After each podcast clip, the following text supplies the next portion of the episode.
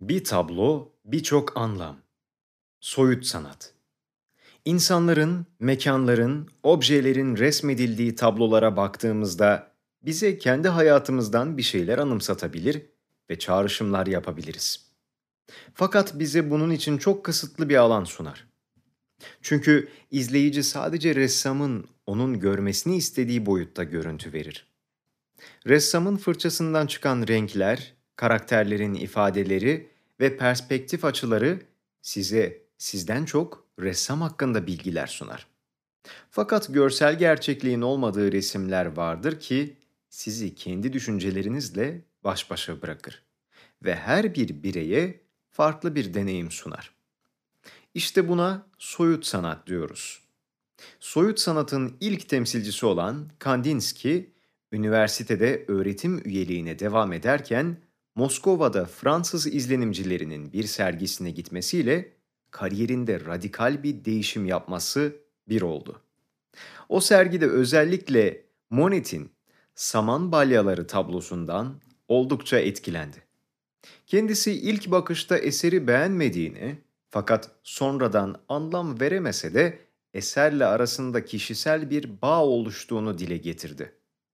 Sonrasında çok iyi bir akademik kariyeri varken üniversiteyi terk edip sanat okumaya karar verdi ve bunun için Münih'e taşındı. 1901 yılına gelindiğinde arkadaşlarıyla o döneme aykırı olan bir sanatçı grubu kurdular ve eğitimler vererek sergiler açarak yeni bir hareket başlattılar. Kandinsky, her sanat eseri kendi çağının çocuğudur, der. 19. yüzyılın sonlarına doğru bilimsel, politik, psikanalitik birçok değişim yaşandı. 1900 yılında yayınlanan Freud tarafından yazılmış Düşlerin Yorumu adlı eserde Freud ilk defa bilinçaltının varlığını dile getirdi. İlk defa bilinçaltının varlığını dile getirdi. Aynı yıllarda bir diğer devrimsel bulguysa Einstein'dan geldi ve Einstein Newton fiziğine darbe vuran kuramını açıkladı. Avrupa'da ise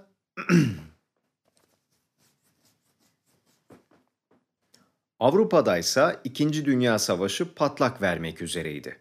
Her şey kısa zamanda büyük bir değişime uğramışken sanatçılar sahip oldukları doğru bilgiyi sınamaya başladılar. Ya doğru olduğunu düşündüğümüz her şey yanlışsa, ya akıl doğruyu bulma konusunda yetersizse?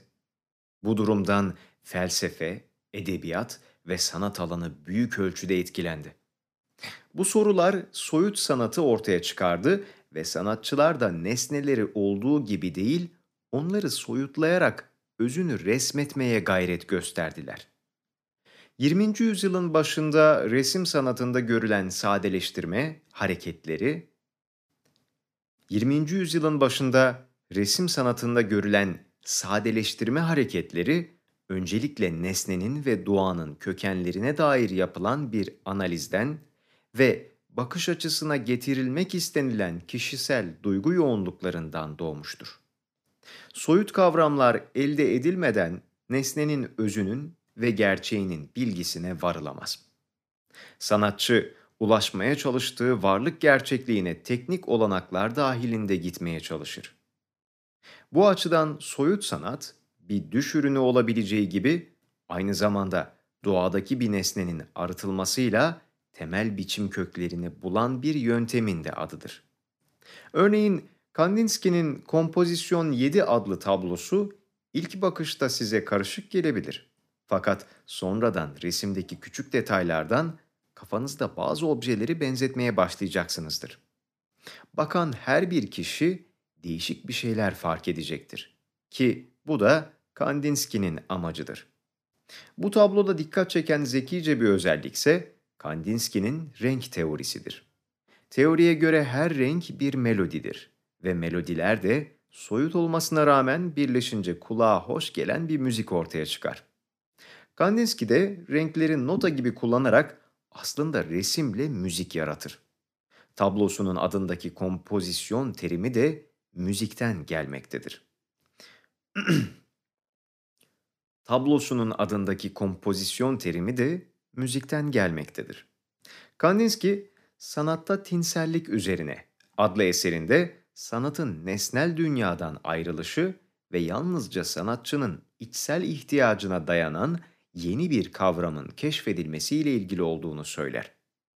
Kandinsky özellikle renklerin anlamları üzerinde durmuş ve örneğin sarıyı bir trompetin saldırgan dünyevi sesine, maviyi ise bir orgun ilahi sesine benzetmiştir.